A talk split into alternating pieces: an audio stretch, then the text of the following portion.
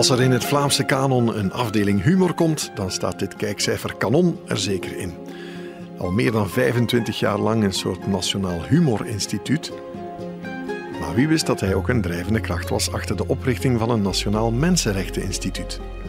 In de inzichten in Gentse Krook ontvangen we Geert Hoste. Geert, welkom. Goed strak in het pak. Ja, gelijk. Uh, dit is je werkplunje, maar je werkt niet meer. Nee, alleen op zondag. maar dat gaat je nog altijd goed af. Drie jaar gestopt nu met die conferences. Maar ça va? Het begint stilaan beter te gaan. Ja. ja. Nee, het is, het, is een, het is een verlossing, zal ik maar zeggen. Niet dat ik het niet graag Voor de mensen? Of? ja, voor allebei, denk ik. Maar, uh, nee, maar het heeft wel zo tot nu ongeveer geduurd, toch zeker een jaar of twee, dat ik zo totaal alle mogelijke uh, stress en verplichtingen voelde wegleiden. Want je zit daar toch, ja, je hebt nu je hele leven niet anders gedaan natuurlijk. Dus je zit heel erg op die actualiteit gefocust, ook op productie, van ik moet nu dit doen, nu dat doen. En dat was, het is nu een fantastische ervaring om niet bij elk nieuwsfeit een grap te moeten verzinnen of onmiddellijk te denken, oké, dat ga ik daarvoor gebruiken, voor die column, voor dat programma. Dus uh, zalig. Het spel wordt uh, als volgt uh, gespeeld, Geert. We hebben gevraagd aan jou om, uh, een aantal levensinzichten, levenswijsheden met ons te delen die je hebt opgeraapt op je levenspad. en het eerste is al interessant, het heeft niet meteen te maken met Geert Hoste, de komiek of de grapjas, maar met de mensenrechtenactivist. Want het luidt, mensenrechten zijn even belangrijk of zelfs nog belangrijker dan het verkeersreglement. Ja, omdat verkeersreglement vooral de samenleving probeert te reglementeren wat verkeer betreft, maar de mensenrechten zijn in die zin belangrijker dat het alle mogelijke verkeer tussen mensen probeert te regulariseren, dat is een groot woord, maar toch probeert binnen banen te leiden zodanig dat iedereen met iedereen kan opschieten met veel respect voor elkaar. Ja. En je bent, niet iedereen weet dat, hè, jurist, maar dus ook net iets meer dan posterboy voor Amnesty International en zo. Vandaar dat ja, dat allemaal zo aan het hart gaat. Wel, het is eigenlijk vooral begonnen vanuit de inhoud. Uh, ik, ik, was geboeid door de mensenrechten en door hoe ten eerste recht en mensen samengaan. Ik vond dat ook het hele boeiend aan Amnesty International, dat dat echt een, een vereniging is toch van juristen. En dat het doel zo mooi is, hè, die mensenrechten promoten en proberen ja, onder de aandacht te brengen. En Amnesty had mij dan vele jaren later gevraagd, toen ik begon op televisie te komen, of ik daar een beetje aan sommige punten wilde aandacht geven. Vooral dan werken rond de vrije meningsuiting, omdat het toch wel vrij uniek is dat je in een land mag grappen maken over de overheid. Hè, en met naam ministers noemen of een koninklijke familie noemen. En ze vonden dat heel typisch, omdat dat in andere landen niet mocht. Ze vroegen, wil jij dat een beetje onder de aandacht brengen? Ik heb daar dan een tijd lang rond gewerkt. Maar dan, ja, de voorbije jaren heb ik toch vooral rond de oprichting van het Mensenrechteninstituut uh, gewerkt. En, maar dat is eigenlijk vooral achter de schermen geweest. Dat Mensenrechteninstituut, dat komt er nu ook van en dat is redelijk spannend geweest, want dat is ongeveer het laatste wat de vorige regering ooit heeft, heeft beslist. Uh. Ja, het was wel boeiend. Ik heb er dus ja, een jaar of zes echt wel hard op gewerkt, maar vooral uh, achter de schermen en met persoonlijke contacten.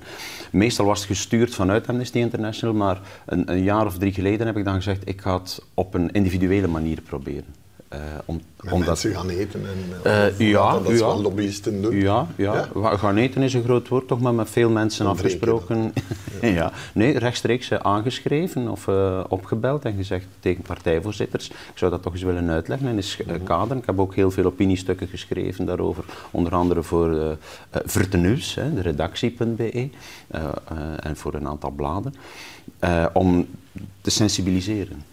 En dan bij de vorige regering ben ik dan echt heel actief gaan werken op de verantwoordelijken die binnen de regering dit hadden zouden moeten kunnen bewerkstelligen. Want het stond al in alle regeerakkoorden sinds 2001 of iets in die zin dat de Mensenrechtenorganisatie er moest komen. Een Nationaal Mensenrechtenorganisatie, werd opgelegd door de VN.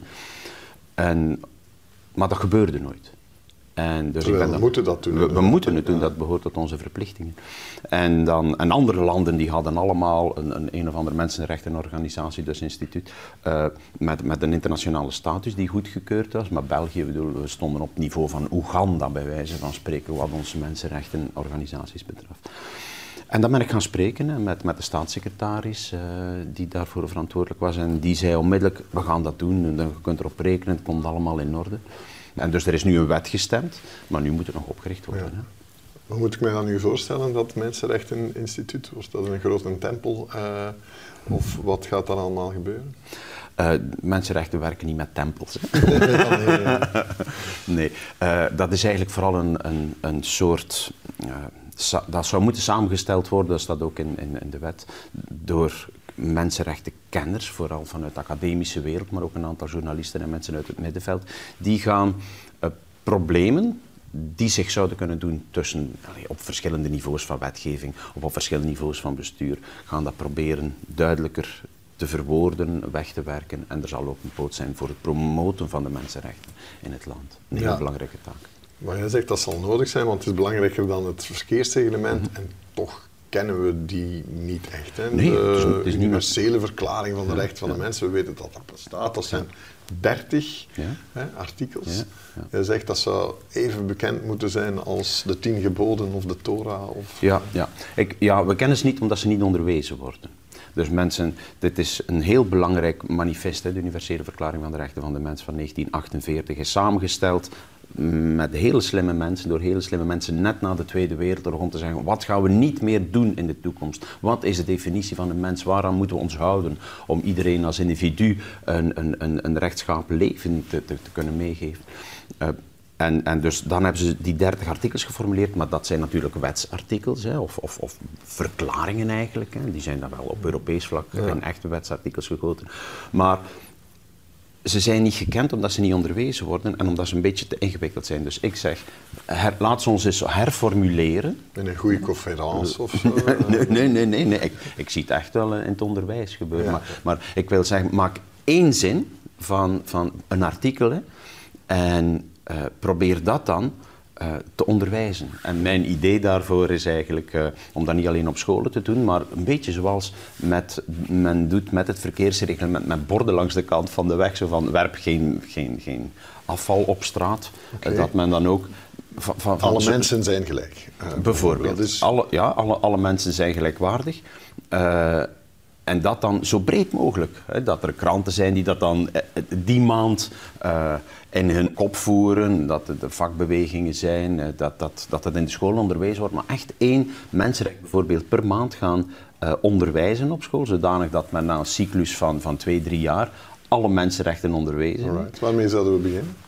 Oh, maar ten eerste, dat is het makkelijkste. Ja, denk ik. Dat maar, mensen gelijkwaardig zijn, maar bijvoorbeeld, ja, Kijk rond in de wereld of zelfs nog in ons land.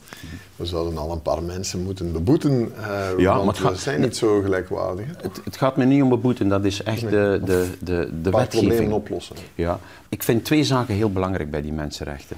Dat is dat men ze individueel kent, maar ook weet dat uh, ze een geheel vormen. En dat je de ene niet los kan zien van het andere. Want je hoort dan veel mensen zeggen, ja maar ik mag niet meer zeggen van een ander dat dan een zwarte is, of een witte, of een blauwe, of een groene. En dan is racisme. Uh, maar ik heb toch vrijheid van meningsuiting. Ja, maar, dat is inderdaad een van de, van de mensenrechten, vrijheid van meningsuiting. Maar ze horen allemaal, alle mensen zijn gelijk, dus dat eerste telt ook. Ja. Dus je kunt ze niet loszien van elkaar. Als jij vindt dat jij je, je mening mocht uiten, moeten aanvaarden dat al de andere mensen ook. Mm. Maar het, het, respect voor mensenrechten is eigenlijk gebaseerd op, op twee belangrijke punten, vind ik. Dat is voor mensen die ze willen inroepen, de mensenrechten. Dat is een, een, een soort ge, uh, verantwoordelijkheidsgevoel en een gemeenschapszin. En als die twee ontbreken bij degene die uh, een beroep doen op de mensenrechten, is het een hol document. De meeste leefregels in heel de wereld die de mensen respecteren, die zijn ooit eens gedicteerd geweest door, of door een woedende god eh, die tegen iemand zei, bijdel dat in, in, in stenen tafelen, of, of door iemand anders. Maar de mensenrechten zijn gemaakt door de mensen zelf. Niet door een god. Het gaat van mensen voor mensen over mensen. De volgende uh, inzicht, wat dus in die grote bronzen plaket zal uh, gegraveerd worden, de inzichten van Geert Hosten, ja, is het individu maakt het verschil. Het lijkt mij evident en ook weer niet. Goh, ik, ik geloof dat wel, zowel op, op zeer groot vlak als op, op familiaal vlak of tussen vrienden, dat, dat, het initiatief van een individu dat gepassioneerd bezig is, echt enorme zaken kan verzetten. Uh, daarvoor worden soms Nobelprijswinnaars voor de vrede uh, of, of, andere Nobelprijswinnaars in de bloemen gezet, zal ik maar zeggen. Maar ik geloof echt in het individuele engagement van mensen om iets gedaan te krijgen. Of om iets onder de aandacht te krijgen. Het, het meest actuele voorbeeld is, is daar wel Greta Thunberg. door haar acties uh, krijgt ze de hele wereld zowat uh, rechtop. Nee, een boete de andere wereld over zich heen. Ja, wel, ja maar, dus, maar dat, is, dat, is, dat is een heel belangrijk iets. Maar het is, hier in Vlaanderen hebben we dat gehad bijvoorbeeld door, door het kindje Pia, door de sms-actie voor die geneesmiddel, natuurgeneesmiddel, hoe door dat ene kind eruit te plukken en te individualiseren, dat men opeens massaal mee wil doen. Maar dat is dat ene individu opeens dat die klik kan bezorgen. En dat is eigenlijk ook een techniek die wel gebruikt wordt, eh, of niet, eh, om, om sommige eh, dingen onder de aandacht te krijgen. Dat is bijvoorbeeld een beetje mijn kritiek op, op het hele klimaat of uh, de klimaatproblematiek of de opwarming van de aarde of van de planeet, dat men dat niet individualiseert. Ik neem het voorbeeld van uh, de natuur. Als men spreekt, ja, we moeten de natuur beschermen, uh, dan klinkt dat veel te vaak, maar gaat er de panda uitplukken. En we moeten de panda zien te helpen, of de ijsbeer. Kijk, dat wordt in... ook niet echt gewerkt, hè? Nou, jawel, hè. ze zijn er nog, hè. Nee, maar het heeft de mensen wel gesensibiliseerd ja. daarvoor. Hè? Dus ik denk wel dat, dat dat een belangrijk iets is. Daarvan. Mm -hmm. Ja, nee, uh, interessant omdat, omdat, bedoel, uh, mobilisatie rond het mhm. klimaat is, is uh, er pas inderdaad echt gekomen als men kan uitleggen dat het niet meer over de ijsbeer zal gaan, maar over het voorbestaan van ons, van kleine baby Pias of andere namen. Ja, maar dat is bijvoorbeeld een, een, een, een, techniek die ook gebruikt wordt, ik zal maar zeggen, bij, bij Amnesty International. Als, als je iemand van Amnesty International een probleem hoort uitleggen, zal die altijd vertrekken van een individueel geval die zal zeggen, uh, Nick Balthazar is een jongen uit Gent en hij, wordt, hij, heeft het niet makkelijk, want hij heeft het probleem van de vroegtijdige kaalhoofdigheid en hij wordt daarvoor uitgelachen of hij wordt daarvoor opgesloten. In. En dan kan je tot het verhaal komen. Maar opeens gaan de mensen meeleven met Nick Balthazar uit Gent, omdat dat een concreet iemand is, een individu. Dat zou tijd worden. uh, heb jij een, een verschil gemaakt uh, met soms 1,7 miljoen mensen aan je lippen? Ik denk willen wel, maken ook? Ik, goh, ik, ik denk wel dat ik uh, het, het, voordeel gehad heb dat ik uh, grappen heb kunnen maken voor heel veel mensen, waardoor dat er toch sommige zaken een beetje anders bekeken zijn. Uh, maar ik denk vooral dat, ja, ik, ik, zou, ik zou dan toch wel willen terugvallen op uh, heel recent het mensenrechtenverhaal. ik ben ervan overtuigd dat op het moment dat het in een dieptepunt zat, dat door door te zeggen, ik ga niet opgeven en ik wil het toch wel een, binnenhalen, bij wijze van spreken. Ik ga nog eens extra spreken of nog eens extra bellen met iemand. Dat daar een klein kantelpuntje bereikt is, maar het is natuurlijk het gevolg van het, van het werk van heel veel andere mensen. Ja. Het interessante is ook dat, dat eigenlijk bij jou de impact soms het grootst was als je eventjes stopte met er een grap over te maken. Ik zeg maar iets, uh, misbruik binnen de kerk, kindermisbruik. Op een gegeven moment was het echt zo van deze. Ja, is niet meer om te lachen. Nee, maar, maar dat is ook... Kijk, als je, zoals met mijn eindejaarsconferentie op, uh, op televisie of in theater, je maakt ook wel een beetje gebruik van de theaterelementen. Hè. En, en, als je, zoals mijn programma opgebouwd was, een zin en de volgende zin is al een grap, ha, ha, ha, ha en als je dan opeens twintig zinnen na elkaar uh, zegt en, en de mensen geen ruimte meer laat om eh, te lachen, omdat je hen ook dwingt uh, in, in, een gedachtegang die dan totaal anders is, dan krijg je een grotere ontlading natuurlijk ook in de zaal. Maar ik vond, ik had het medium en ik kon daar een paar opmerkingen over maken, over onder andere het kindermisbruik in, in, de kerk, of het misbruik in de kerk in het algemeen. En dan ook rond, rond de aanslagen die in, in Parijs gepleegd waren, uh, vond ik wel dat ik dan eens moest op tafel kloppen. Ja. Ja. Maar ik wil, ik wil ook niet militant overkomen. En nog altijd niet. Hè. Ik probeer dat echt, uh, echt niet te zijn, een, een, een militant. Uh, uh, ik heb nee, dat zal ook de story of your success zijn. Het feit dat je aan ieder links of rechts de nodige knauw en de nodige aai Ja, wel. Ik, je, je noemt het een knauw of een ai, voor mij was het een grap. dus dat is, dat is een verschil. Ik wilde eh, mensen aan het lachen maken, dat was mijn doel. En als je voor een zaal staat met, met 1500 of 2000 man, dan voel je wel wat een, een goede grap is en welke grap fout valt. En, uh, maar het punt is natuurlijk dat je iedereen in een zaal massaal voor dezelfde grap wil laten lachen. Dat is, dat is altijd het moeilijkste. En, uh, maar dus voor mij ging het hem altijd om de grap, niet om een of ander waarheid te verkondigen. Anders had ik wel andere dingen verteld, inderdaad. Ja. Of wiskundeles gegeven.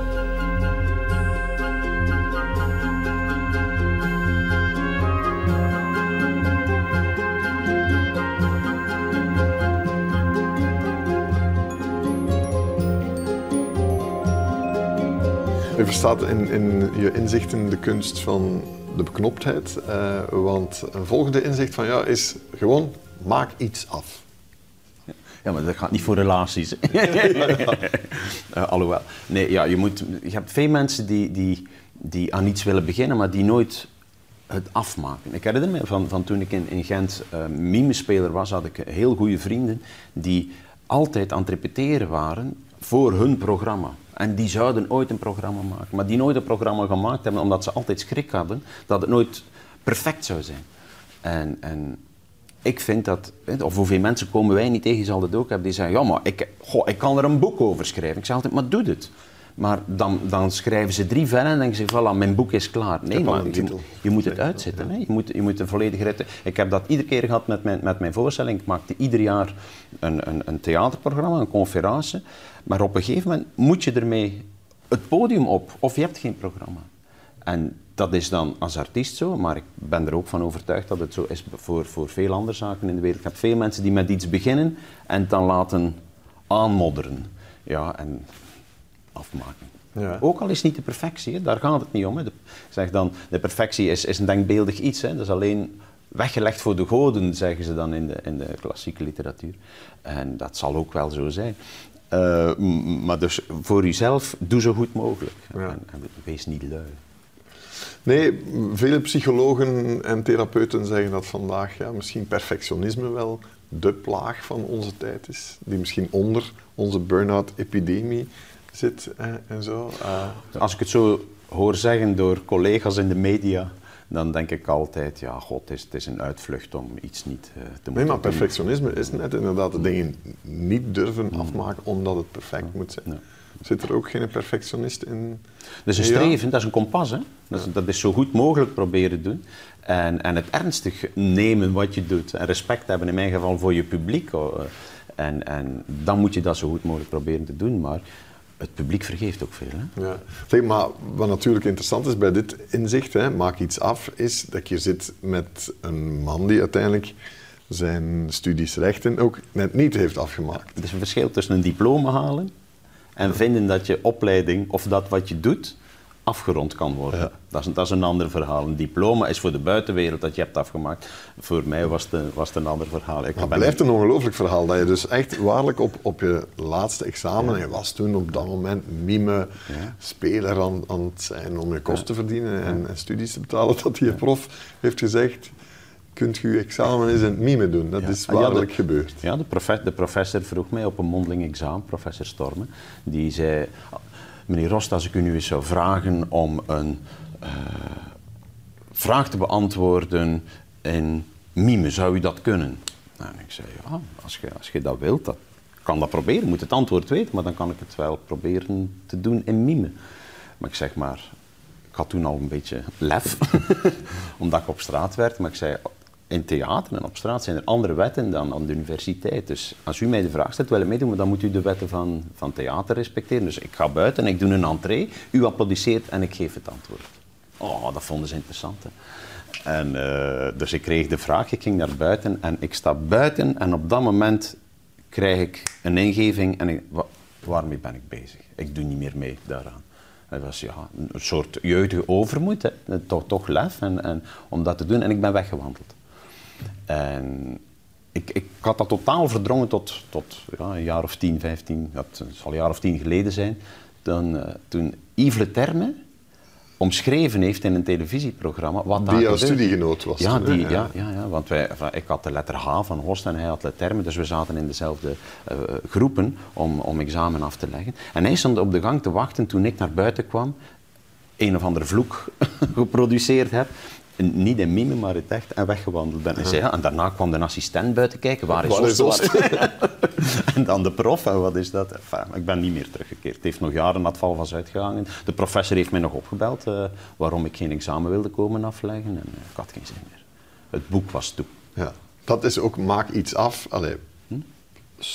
Ik had besloten dat het af was. Heb, heb, heb de moed om een ander pad dan in te staan, ja. wat geen gemakkelijk pad was natuurlijk. Ja, nee, maar punt. Maar ik denk dat er veel mensen dan.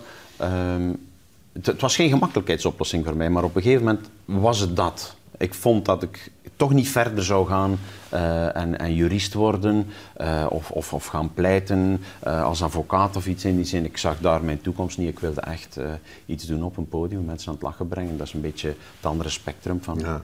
het advocatenvak. ja, en niet gemakkelijk als je ja, West-Vlaming bent, uit hardwerkende ja. familie ah, ja, ja, en, en zo. Nee, nee, maar hier in, in uh, Gent wat een mime-clown komen uithangen en tot ver in je dertig uh, jaren niet echt welstellend te zijn, dat is niet gemakkelijk geweest naar je familie toe. Maar, ja, maar dat is, dat is, dat is een, dat is, dat is een principebeslissing. Ik kwam van school, dus ik heb, ik heb tien jaar uh, op internaat gezeten, ik kwam van school en mijn ouders zeiden altijd, je moet u niet doen. Als je van die school afkomt, moet u niet uh -huh. doen. En ik heb me daar dan bij neergelegd en ik ben school uitgekomen. Mijn verjaardag is 1 juli, dus, op mijn e dus de dag dat ik school uitkwam was ik 18 jaar. En heb ik gezegd, en nu neem ik de beslissing dat ik alles zelf ga doen. En jullie willen dat ik naar de UNIF ga. Ik heb daar respect voor, ik ga dat doen. Maar ik zal het zelf betalen, dus als ik wil stoppen. En, maar dat was makkelijk gezegd, hè. dus ik had nog nooit een frank verdiend natuurlijk. Ik zat op, op een kostschool. En dan had ik niet veel andere mogelijkheden dan, dan ja, van alles te gaan doen. En dat stond, toen stond ik op straat, maar je moet dat een beetje zien ook in de cultuur van de performances in de tijd. Ja, ja, ik heb dat nog gezien in de tijd. Ja, dat, was, ja, dat was niet echt zo voor muurken staan, dat was echt ja, domme dingen doen op straat. Hè. Domme dingen doen en daar uw boterham proberen mee te verdienen. Ja, en, en ja, uh, wat dat betreft is dat nog aardig gelukt uiteindelijk, maar, maar waarom mime? Het was inderdaad op dat moment wel meer rock en roll dan het nu lijkt. Ja, ja. Maar waarom zwijgen voor iemand die toch redelijk ja. van de tongriem gesneden maar dat, is? dat zal wel te maken gehad hebben met, met het, het feit dat ik een West-Vlaming was. Uh, ook met mijn idolen van in de tijd. Uh, maar ten eerste, dat West-Vlaamse, het was niet evident om dan iets te gaan spreken op, een, op straat of iets in die zin. En nog begrepen te worden. en daar geld voor te krijgen. ja. Uh, het tweede was, ik kon geen instrument spelen. Hè. Ik, uh, ik, kon wel piano, maar dat was heel onpraktisch op straat. Mijn idolen waren toch een Buster Keaton of zo. En ik heb echt gedurende een jaar of tien niet gelachen hè, toen ik aan het werken was op, op, op straat. Ik was een hele flegmatieke, soms boze uh, artiest die daar bezig was. En ik, ik had bijvoorbeeld een act waarmee ik de straat veegde. En als iemand er dan opliep waar ik uh, geveegd had, dan begon ik die echt heel kwaad te bekijken. Ja. Ja. ja, kijk, het is vandaar. ja. Maar dus ja, dat, het was een totaal andere manier van optreden. Ja. ja. Brengt ons bij jouw volgende inzicht. Wat is uh, humor? Uh, dient als verdediging, niet als aanval. Of misschien een beetje motto van jouw soort humor dan. De lievere soort stand-up, mag ik dat zo zeggen? Nou, de beter geformuleerde zal ik maar zeggen. Het is niet omdat je uh, niet over genitaliën spreekt dat het daarom liever is. Het is, ja. het is of geen onderbroken humor probeert te maken of schoonmoedergrappen, uh, dat, het, dat het daarom liever is. Het komt ook uit een tijdsgeest. Toen ik ja, 20 jaar was of 25 jaar was, was het waren alle ouderwetse moppen gingen over schoonmoeders of over seks of over onderroepen. En toen verschenen zes boeken uh, dat er geen schoonmoedergrappen meer zouden gemaakt mogen worden. En ik ben dus meer van, van die richting dan, waarbij dat je dan echt een aversie hebt voor dat soort humor. Uh, maar dat is één. Maar dit inzicht heb ik zo geformuleerd uh, dat het een verdedigingsmiddel is in plaats van een aanvalswapen. Omdat je veelal nu mensen hoort gebruik maken van een soort stijlmiddel waarbij dat ze denken dat ze een grap vertellen terwijl ze iemand beledigen. Maar dat is echt om die aan te vallen. Het is ook het meest efficiënte aanvalswapen ooit. Hè? Ja. Vind je niet? Nou, ik denk, een geweer is toch ook wel vrij, vrij efficiënt als je tegenstanders wilt uitschakelen. Ja, één wel, maar, maar met humor kan je hele groepen uitschakelen, bijvoorbeeld. Ja, ja, ja. Wel, maar vanuit mijn, vanuit mijn standpunt heb ik het altijd anders ervaren. Ik was... eh, eh, ik zat, ik zat in Gent op school, ik kwam uit West-Vlaanderen. En ik heb de humor altijd gebruikt als verdedigingsmiddel. Als ik op een of andere manier werd aangevallen, in plaats van eh, de confrontatie aan te gaan, maakte ik er een grap van. En ik heb dat in heel de wereld, doe ik dan nu nog altijd. Als er iets is dat fout dreigt af te lopen, probeer ik toch wel te charmeren met, met humor. Ja, we hebben, we hebben het over humor als wapen en, en als verdediging. Ja, humor kan inderdaad de twee ook doen. Hè. Humor kan verdelen, doet dat ook vaak, en samenbrengen. Jij probeert het e- eh, tweede, zo humor eh, als... Als we allemaal met hetzelfde lachen, dan zijn we een solidaire natie. Goh, ik, ik denk dat het het allemaal wat relativeert. Hè. Dat is ook wel de taak van humor. Ik heb eh, jaren geleden voor eh, Canvas een serie mogen maken. Eh, toen onder de titel Geert Hoste en de lachende neger. Dat zou al niet meer mogen. Dat zou nu al niet meer mogen. Het is toen een zware discussie geweest tussen mijn echtgenote en, en mij ook. Ja, maar Ga je dat woord in uw titel zetten? En ik denk, dat lichtjes provoceren is altijd goed, als het over humor gaat. Maar ik herinner me, het mooiste wat ik toen heb meegemaakt, ik ging toen bij verschillende etnische groepen vragen en nationaliteiten. Wat is nu bij jullie grappig? Hè, wij vinden dit grappig, maar wat vinden jullie grappig? Of, of, of is humor een middel om eh, te communiceren met mensen? En ik herinner me nog zeer goed dat ik in Luik in een nachtwinkel stond met een, een Pakistani die geen woord Frans sprak, en twee woorden Engels. eh, al absoluut geen Nederlands natuurlijk. En eh, mijn, mijn Pakistaans was ook niet zo goed. En ik stelde hem via een tolk toch de vraag, maar wat gebeurt er nu als er iemand in de winkel komt s'nachts en hij zegt, geef mij een half kilo boter? In welke taal dan ook. En je raakt er niet uit. Je staat, hij staat naar iets te wijzen en je geeft Mime, mime. ja, maar beel maar een keer boter uit. dat is melken. maar uh, ja, ik weet niet hoe dat ik boter maak, maar het is indrukwekkend. Als je zo boter... Nee. Uh, maar je, zegt hem, ik zeg, en je raakt er niet uit, wat gebeurt er dan? Hij zegt, maar dan schieten we alle twee in een lach. En dat, daar geloof ik ook heel erg in. Als je ergens in, in, in de wereld bent en je spreekt elkaars taal niet, en je kan toch sympathie wekken ten opzichte van de anderen, dat alle twee in een lach schiet, dan is humor een heel krachtig wapen, vind ik. En veel krachtiger dan elkaar kwaad afsnauwen. Weet je nu niet wat ik wil? Jij met de stang, ik wil boter. Nee, ja. ik wil... Uh... Weet wat ze zeggen over humor? Humor is als een kikker. Um, humor kunt je ontleden en een kikker ook, maar geen van beiden zullen de operatie overleven. Ken het niet, leuk. ja. Moet het niet opblazen, zo.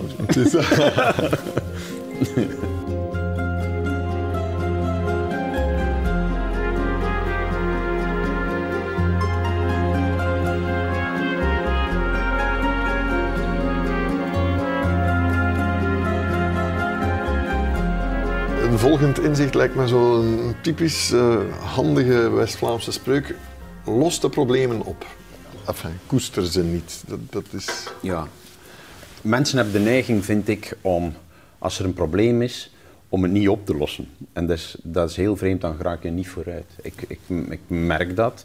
En, en soms heb ik dat ook. Als ik een bepaald probleem heb, dat blijft dan maar spoken in mijn hoofd of het wordt niet opgelost en dan blijft dat een probleem. Het, fenomeen van een klein steentje in je schoen als je aan het lopen bent. En dan, dan zeg je, oh, goh, ik ga er mij nu niks van aantrekken, maar hoe meer dat er loopt, hoe meer dat u gaat storen. En, dan, en terwijl van in het begin te zeggen, weet je wat, dat is het probleem, ik ga het oplossen, ik ga dat eruit halen. Maar dus op alle mogelijke vlakken. Ik heb dat, ik heb dat ook in mijn, in mijn gewone dag, dagelijkse uh, gedrag, dat ik dan durf dingen uit te stellen en zeg, maar los het nu onmiddellijk op en dan zijn er vanaf. Klinkt, klinkt logisch en, en, en, goed, maar er zijn natuurlijk ja, dingen die al eens moeilijker op te lossen zijn. Ja, hè? ja, en daarom op. Maar, maar ik, heb, ik heb dit inzicht geformuleerd omdat ik veelal voel dat mensen hun problemen gaan sacraliseren. He, ze stellen het uit en dan gaan ze daar alleen nog maar over spreken als een probleem. En, en op een gegeven moment wordt dat iets iconisch voor hen. En dan, dan, dan, dan zitten zij met een probleem dat onoverkomelijk geworden is. En terwijl dat je dan als buitenstaander denkt, ja maar doe dit of doe dat.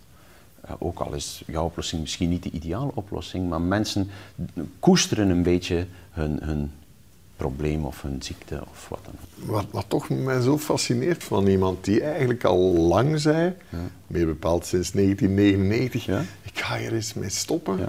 is dat je begint toe te geven, ik heb deze nooit zo graag gedaan.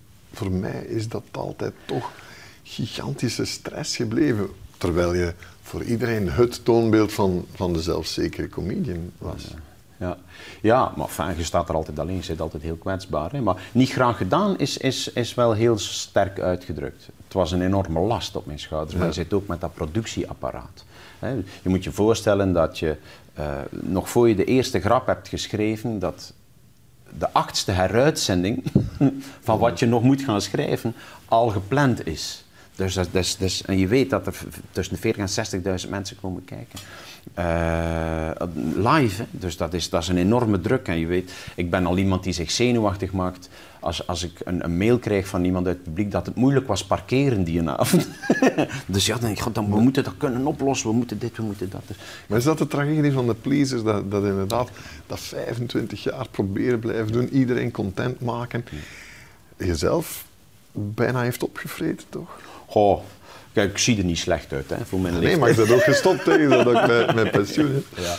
Maar, uh, goh, ja, ja de, de, de, tragedie, het klinkt allemaal heel zwaar als je het nu terug van, van een beetje op afstand bekijkt. Uh, het, God, maar ik ben wel blij dat ik gestopt ben. dat wel, maar het was niet tragisch. Maar weet je, je, als je daarmee bezig bent, dan is dat het enige waar je mee bezig bent. Ja. Je, hebt geen, je hebt geen plaats voor iets anders.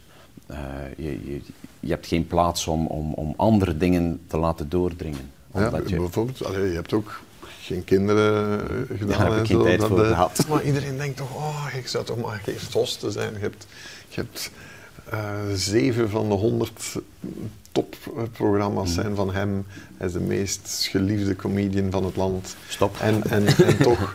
Ja, ja uh, ging hij joggen en, en, dacht zijn vrouw soms, goh, als hij nog maar niet in, in het scheld springt. Ja.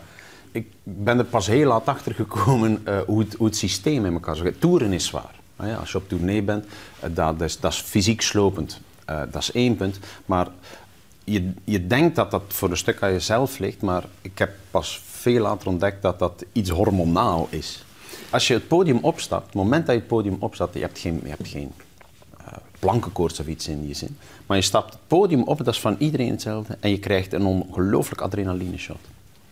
En met dat snelle hormoon, dat, dat duurt maar, dat is heel kort, uh, dan neemt eigenlijk een hoop pijnen en angsten weg van jezelf.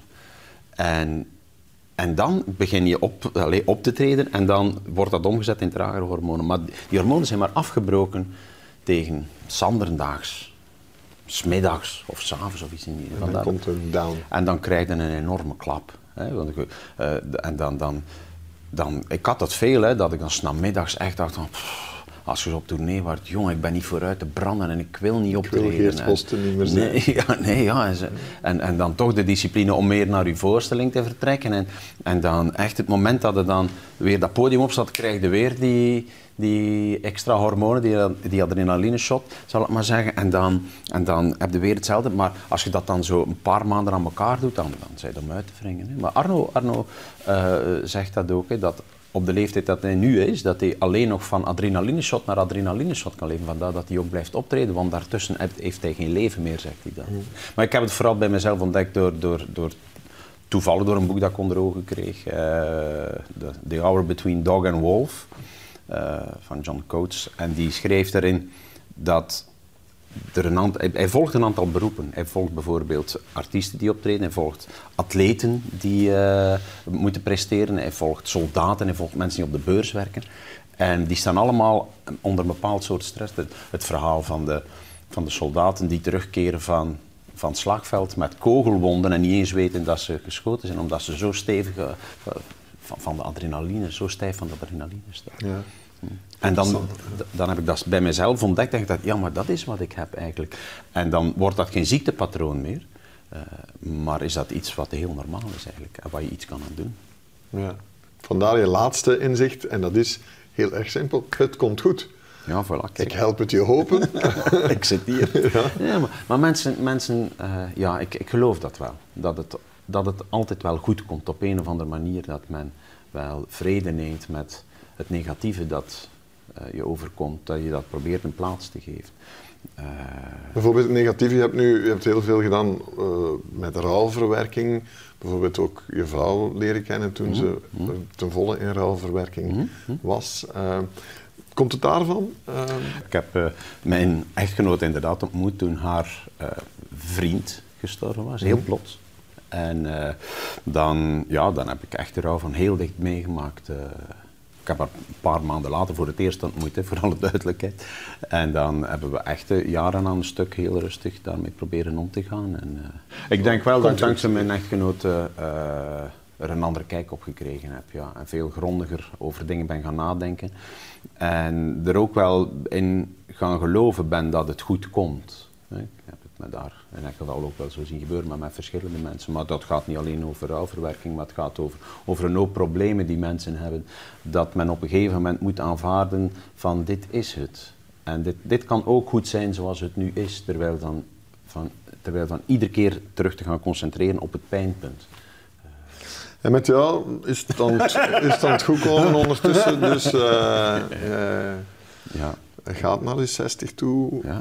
Um, heb je daar levensvragen uh, bij? Of, of, is dit een, een, mooie periode in jouw leven? Ah, ik, vind, ik, ik heb het altijd een beetje moeilijk met mensen die verjaardagen zwaar vinden. Dat ze dan vinden van, goh, goh, goh. ik heb een aantal vrienden verloren die, die mijn leeftijd niet hebben kunnen bereiken. Dus ik ben ontzettend blij uh, dat ik naar de 60 ga. Enfin, en, en, hopelijk nog een stuk verder ook. Ja, want over oud worden zijn we ook al vaak eens wat te negatief. Uh, ja, we, wees blij. Hè. 100 jaar geleden werden mensen zo oud niet. Ja.